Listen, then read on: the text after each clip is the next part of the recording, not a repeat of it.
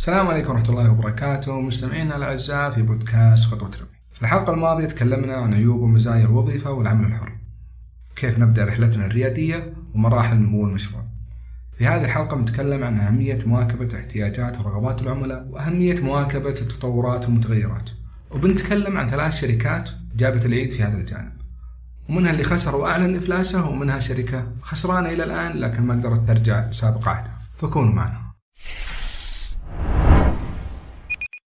في البداية أحب أشكر كل شخص سجل في بودكاست خطوة ربح البرنامج المقدم من فريق خطوة ربح ودايم تلقى الاستبيان في وصف الحلقة. التسجيل مجاني والخدمات كلها المقدمة مجانية. إذا عندك فكرة أو عندك مشروع بديت فيه أو تسعى أنك تبدأ في مشروع معين أو أنك بديت فعلا وتبغى تقيم الوضع الحالي كل هذه الخدمات نقدمها لك مجانا وتعبي الاستبيان وما راح ياخذ منك أكثر من دقيقتين لتعبيته نجي لموضوع اليوم موضوع اليوم مهم جدا لكل الأشخاص اللي يسعون أنهم يبدون في العمل التجاري. لأني لاحظت كثير من الرسائل جتني من منصات التواصل الواتساب الموجود في الوصف كثير الناس اللي جوني يتكلمون عن تقليد المشاريع. يعني يجي الواحد مثلا متحمس في مشروع معين يقول أنا والله أبغى أسوي مثلا محل قهوة مختصة لكن بضيف عليه ميزة مي موجودة عند الباقيين أنا أبغى أطور فيها أنا أبغى أسوي أنا المشروع هذا تقليدي بشكل كبير.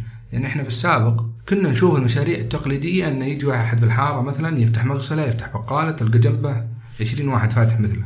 الناس كانوا أصلا يعني تخطيطهم السابق للدخول في المجال التجاري غلط ومبني على خطأ كبير يعني. كانت ماشية بالبركة فعليا يعني. كان الشخص يوقف عند مثلا مطعم ويقعد يحسب كم سيارة جت وبعدين يقول معدل السيارات هذه 50 ريال أنا هذا دخلي السنوي. كان حتى يحط توقع للدخل المتوقع للسنة الأولى والثانية بناء على عدد السيارات اللي هو حسبها ذاك اليوم. فكان الأساس أصلا عندنا غلط وهذا اللي سبب عندنا إن في مثلا شارع تلقاه كله خياطين، شارع كله مغاسل، شارع ما في تخصص في تقليد أعمى. مشكلة التقليدية إنها حتى ممكن يعني ما راح أتكلم عن المنافسة وإنها ممكن تخسر ناس، لا أنا أتكلم إن التقليدية أصلا بالأساس مشكلتها في البداية تعطيك ربح شوي، فأنت تربح لكنك فعليا قاعد تقلد ما أنت فاهم حافظ بس. فاللي يصير عندك فعليا إنك تربح في البداية بعدين تخسر. تطور الموضوع الآن وبشكل كبير جدا وتحول من الناس كان مغاسل وبوفيهات وكافيتيريا ومدري إيش صار الآن لا قهوه مختصة مطعم fast food محل حلويات. هذا الشيء مو إيجابي ابدا. يعني الشخص حتى اللي سالني قلت له يعني أبعد عن هذا الجانب. ليش تبعد عن هذا الجانب؟ لأنك أنت داخل سوق محدود جدا جدا. المنافسة فيه عالية. أكثر الناس اللي موجودين الآن ما راح تلقاهم بعد ستة شهور سنة بالكثير. لأن التقليد مشكلته أنه يعميك عن الأشياء المهمة يعميك عن التخطيط الجيد عن يعميك حتى عن مواكبة احتياجات العملاء. تلقاك أنت بس قاعد تسوي اللي يسوونها الناس. يعني لدرجة أنه وصلنا الآن حتى في المطاعم ال fast food وفي المحلات التجارية وصلنا أن حتى الاستراتيجيات التسويقية ينفذونها بنفس الشكل في كل مكان. جابوا مشهور معين اليوم الفلاني توفق بإعلان راحوا كل المطاعم بكرة من وجابوه كل المحلات جابوه. هذا رجال موفق. مو بصحيح. والمشكلة في هذا الجانب أصلا إن حتى المشاهير يعطونك عملاء بس في ذاك اليوم عشان تصل لحد معين لكن فعليا أنت ما كسبت عملاء. وبالكثير إذا ربي يوفقك بترجع فلوس وتكاليف المشهور هذا أو الاعلان هذا. فعشان ما نشطح في الموضوع هذا وأدري إنه بيزعل الناس ولا اني أنا أصلا ضد فكرة المشاهير ودائما المختصين في التسويق أو اللي يدرسون تسويق ما يحبون المشاهير فكل واحد يشتغل ضد الثاني. فعشان ما نشطح كثير في الموضوع ودنا نرجع لموضوع التقليدية. التقليدية ليش مضرة ولا هي بجيدة خصوصا للشاب الطموح في وقتنا الحالي الآن. الفكرة الآن أنت إذا قلدت في كل شيء أنت مستحيل أنك تواكب رغبات عملائك أنت. أنت بتواكب رغبات عملاء السوق هذا كامل. فبكرة إذا جاك أي ظرف أي متغيرات مثل كورونا حتى ممكن تخسر. لأنك بالأساس ما أسست مشروعك بشكل صحيح ما سويت كثير من الأساليب والإستراتيجيات اللي لازم تشتغل عليها. عشان كذا تواجه مشكلة دائما وما عندك تصور الفني الممتاز انك تروح مثلا وتحلل وضعك الحالي وتشوف وين مشاكلك فيه، لأنك بالغالب دخلت أصلا دخله غلط، فبتكون عندك المشاكل أكبر وممكن تخسر فلوس زيادة إنك تروح تجيب خبراء وشركات يقيمون لك الوضع الحالي الآن يشوفون وش مشكلتك. وهذه كانت بعض إجابتي للشخص اللي سألني. ولكن في نقطة شدتني في النقاش وعشان كذا قلت له لا أنا برد عليك بشكل أكبر في البودكاست. النقطة كانت هو يقول لي إن هذا شغفي. يعني أنا محب للقهوة. أنا قلت له باختصار يعني لا تفلم علي إحنا شعب عربي وسعودي بالذات نحب كل أشكال القهوة يعني مو منطق إن أنا أحب القهوة مثلا أنا أروح خلاص أفتح لي محل قهوة وأقلد الناس مو منطقي الكلام هذا. إحنا كلنا نحب القهوة لكن فعليا أنت صحيح لازم تشوف شغفك وين والشيء اللي تحبه وتشتغل فيه وتمارسه كتجارة، لكن أنت بعد لازم تدرس الوضع، تدرس السوق، تدرس الحصص السوقية الممكنة لك، يمكن ما لك أي حصة سوقية في المكان هذا، خصوصا إذا قلت والله أنا مثلا آه، بفتح محل قهوة مختصة وفي الرياض، يعني مو منطقي الكلام، إذا شفنا مثلا إحصائية واحدة بس من مؤسسة النقد من تاريخ 2 August إلى 8 August عدد المبيعات في كل شيء في كل القطاعات. في السعودية كان تقريبا 4 مليار. 920 مليون ريال. يعني تقريبا مليار كامل. كان بس في محلات ال coffee shop القهوة المختصة وفي قطاع المشروبات والمأكولات. يعني في ال fast food في المطاعم في القهوة المختصة. فهنا أنت ما لك أي قدرة. يعني خصوصا إنك أنت بتروح مثلا جهة حكومية مثل ريادة مثل تأخذ القرض هذا. فأنت الآن ما لك أي قدرة إنك تنافس. فصعب جدا إنك تدخل. لكن اقترحت عليه. ومثل ما ودي أقترح على المستمعين اللي عندهم أفكار زي كذا إنه لا تروح وتحشر نفسك في زاوية محددة من البزنس وتروح تقلد لأن الناس هذول نجحوا. الناس هذول حتى اللي نجحوا فرصة فشلهم أكبر بحكم المنافسة الشديدة في هذا القطاع. لكن أنت لو فكرت يعني بحبك للقهوة وشغفك ومهاراتك الشخصية اللي موجودة عندك وأدوات النجاح كامل اللي موجودة عندك أنت لو فكرت شوي يمكن تلقى لك فرص أفضل. يعني ممكن إنك ما تطلع حتى من قطاع القهوة. ممكن إنك تروح مثلا تجيب أكواب للقهوة. يعني تروح مثلا تسوي تغاليف جديدة للخدمات المنتجات المقدمة.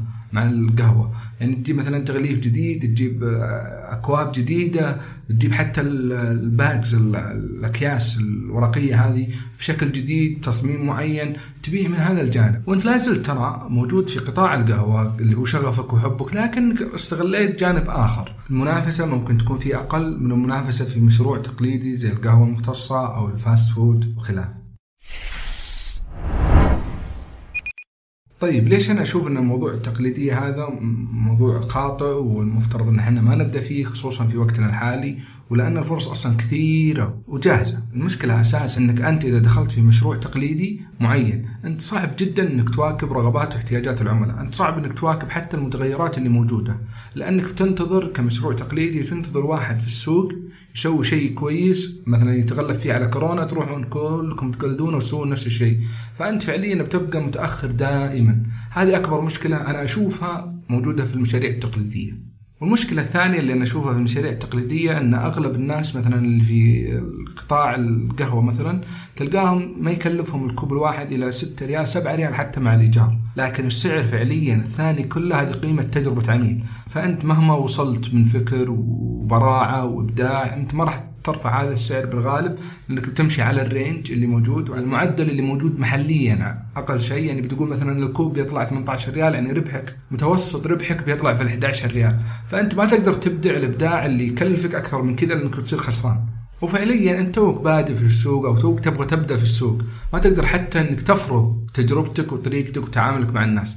ولأن الناس أصلا تعبوا من سالفة تجربة العميل وغلائها. ففي ناس كثيرة الآن تتوجه لاختيارات أخرى. بس عشان توفر على نفسها تكلفة تجربة العميل العاليه هذه في مناطق معينة. وفعليا إذا إحنا طبقنا الأفكار والخطط بشكل مدروس وممنهج وبشكل صحي تماما إحنا خلاص يعني بيكون سهل عندنا مواكبة رغبات واحتياجات العملاء لأن بنكون ماشيين على منهج كويس مخطط ومرتب بشكل سلس جدا.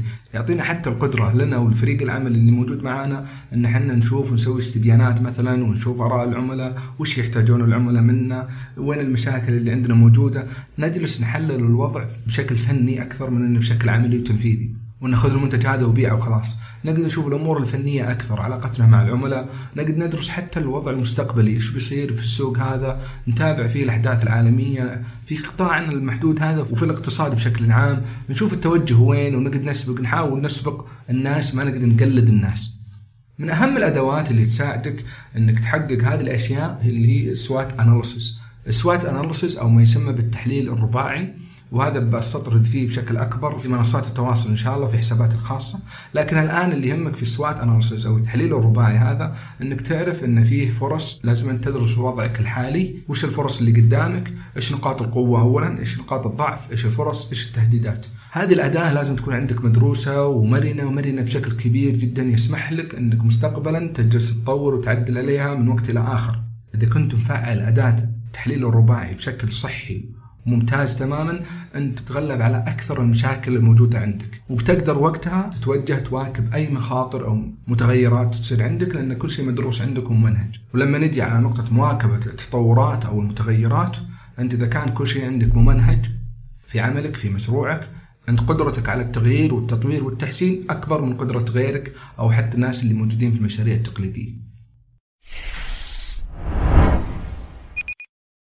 نجي لقصتنا الأولى واللي تتكلم عن كوداك. شركة كوداك الأغلب يمكن يعرف عنها أو حتى أقتنى أحد كاميراتها لكن اللي مهم تعرف عن هذه الشركة أنها حاولت تلبي رغبة العملاء لكن كان رتم تلبية الرغبة هذا بطيء جدا. يعني بداية الألفية أول ما تطور أول ما صار تطور التكنولوجي في اليابان وتطورت اليابان وطلعت شركة سوني كمنافسة لكوداك وبدأت تنتج الكاميرات الرقمية. كان كثير من عملاء كوداك يراسل كوداك ويقول إحنا نحتاج الكاميرات الرقمية لأننا شفناها عند أصدقائنا أصحابنا أو شيء من هذا القبيل. وكمنتج هي أفضل من الكاميرا الكلاسيك لكن كوداك أصرت على عنادها وكانت فعليا مو شايفة أحد. يعني ما كانت حتى تهتم للآراء هذه وما كانت حتى تتكلم عن التقارير الصحفية اللي في المجال هذا.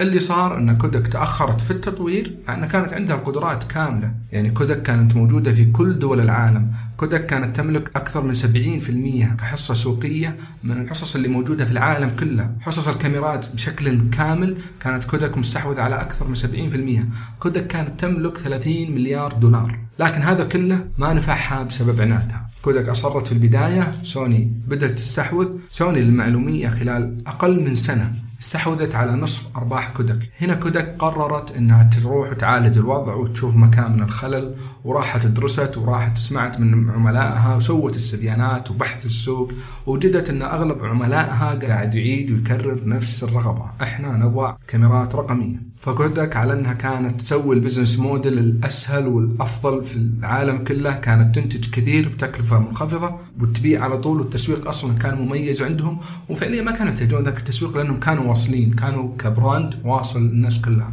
لكن للأسف ما قدرت تنافس في هذا المجال وحتى بعد ما حست كودك بالخطر وحاولت تغير من الاستراتيجيات وغيرت حتى من المدراء اللي عندهم طلعت نيكون بالصورة وكملت مع سوني الباقي على كودك.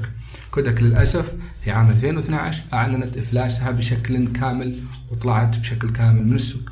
قصتنا الثانية في كثير من المستمعين استخدموا أجهزتها. قصتنا الثانية عن شركة نوكيا. نوكيا كانت مسيطرة على سوق المبيعات الهواتف المتنقلة في العالم بشكل كامل. كانت مسيطرة على سوق الشرق الأوسط بنسبة قربت من المية بالمية. مبيعات نوكيا في سنة من السنوات تجاوزت 150 مليار ريال. لكن للأسف نوكيا سحبت على شيء مهم جدا اللي هو مواكبة التطورات. مواكبة التطورات والطفرة التكنولوجية في وقتها وفكر ستيف جوبز الريادي تسبب في قتل نوكيا فعليا. وبعد ما دخل ستيف جوبز بأجهزة الآيفون في المنافسة وبعدين تطورت ودخلت سوني هواوي والشركات هذه كلها في المنافسة نوكيا ما قدرت وأسهمها طاحت في الحضيض وخسرت كل شيء تقريبا. لكنها ما أعلنت إفلاسها وقبل أسبوع تقريبا في بداية أكتوبر 2020 نوكيا أعلنت تحالف مع ناسا وأنها بتطور أبراج اتصال في المركبات الخاصة بناسا. والجدير بالذكر إن نوكيا كانت بس تشوف شيء واحد فقط احتياجات العملاء. يعني كانت تنتج أجهزة جوال بعدد كبير جدا وموديلات كثيرة جدا تواكب كل الأنواع. كانت تستهدف كل الفئات العمرية وكل المناطق في كل العالم. لكنها أغفلت أهم نقطة واللي هو المتغيرات والتطور التكنولوجي. وهذا كان سبب سقوطها للأبد. شركتنا الثالثة وقصتنا الثالثة عن توماس كوك. توماس كوك ممكن الكثير ما سمع عنها. هي أقدم شركة سياحة وسفر في العالم. توماس كوك موجودة في بريطانيا وتتعامل مع أكثر من 20 مليون عميل سنويا في 16 دولة وعندها أكثر من 600 فرع حول العالم. أرباح الشركة البريطانية في 2018 فقط كان أكثر من 10 مليار دولار. الشركة هذه تقدم خدمات لوجستية كاملة متكاملة مع السفر. يعني تقدم لك خدمات السفر حجز الرحلات حجز المواصلات حجز حتى المطاعم اللي في جانب الفنادق اللي انت حجزت عندهم. فتقدم لك فعليا كل شيء. لكن مشكلتها إنها ما سمعت للناس وآراء الناس وما تطورت وحاولت تعدل من الأوضاع اللي عندها. وما حاولت تتجاوز المتغيرات اللي تسببت لها ضغط كبير جدا. أول هذه المتغيرات كان خروج بريطانيا من الاتحاد الأوروبي. وكان في ضغط سياسي كبير جدا على الشركة. السبب الثاني كان التقدم التكنولوجي والرقمي اللي موجود وخروج منافسين في هذا المجال. فكانت توماس كوك ترفض كامل النداءات اللي كانت تجي من عملائها. عملاء كثير كانوا أوفياء لتوماس كوك كانوا يراسلونهم إن في إكسبيديا طلعت في بوكينج طلع وكلهم يوفرون خدمات الحجز الرقمي. أنا ليش أروح أركب باص أو سيارة عشان أوصل عندكم للفرع عشان أحجز وأدفع؟ ليش أنتم توفرون لي هذا الشيء رقمي؟ خصوصا إنه بيوفر عليكم حتى موظفين. لكن توماس كوك قالت لا إحنا كذا فكرتنا وإحنا كذا طريقتنا وما راح نتغير. بعد ما طلعت بوكينج واستحوذت بوكينج على نسبة كبيرة من حصص توماس كوك وقدرت توصل لعملاء توماس كوك وبدعايات تسويقية مميزة جدا خذت من توماس كوك كامل حصتها السوقية. وللأسف خلال الشهور الماضية أعلنت أقدم شركة سياحة وسفر في العالم إفلاسها وانتهاء هذه الأسطورة. طبعا توماس كوك مشكلتهم كانت في مواكبة احتياجات رغبات العملاء ومواكبة التطورات والمتغيرات الحاصلة. أحيانا المتغيرات هذه ما تكون بأسباب مثلا اقتصادية أحيانا تكون حتى خارج عن الإرادة. فمهم جدا أنه يكون عندك رائد أعمال أو رائدة أعمال. القدرة هذه إنك تحاول تعدل المشاكل اللي بتواجهك على طول، من الصعب جدا إنك تعدل هذه المشاكل إذا كان عندك الأساس غلط وما تمشي على منهجية واضحة وما عندك خطط مدروسة سهلة ومرنه يعرفها كل فريق العمل وماشيين على قلب واحد. وبكذا وصلنا لختام حلقة اليوم. أتمنى إني كنت خفيف ظل عليك وأفدتك في أي جانب من الجوانب. وإذا كان عندك أي استفسار أو اقتراح منصات التواصل الاجتماعي وحساباتي الخاصة موجودة في وصف الحلقة. وإذا كانت لديك الرغبة أنك تسجل في برنامج بودكاست خطوة ربح لدعم الشباب والشابات في الدخول في العمل التجاري. كل اللي عليك تسويه تروح لوصف الحلقة وتعبي الاستبيان وبيتم التواصل معك إن شاء الله في أقرب وقت أترككم في رعاية الله والسلام عليكم ورحمة الله وبركاته.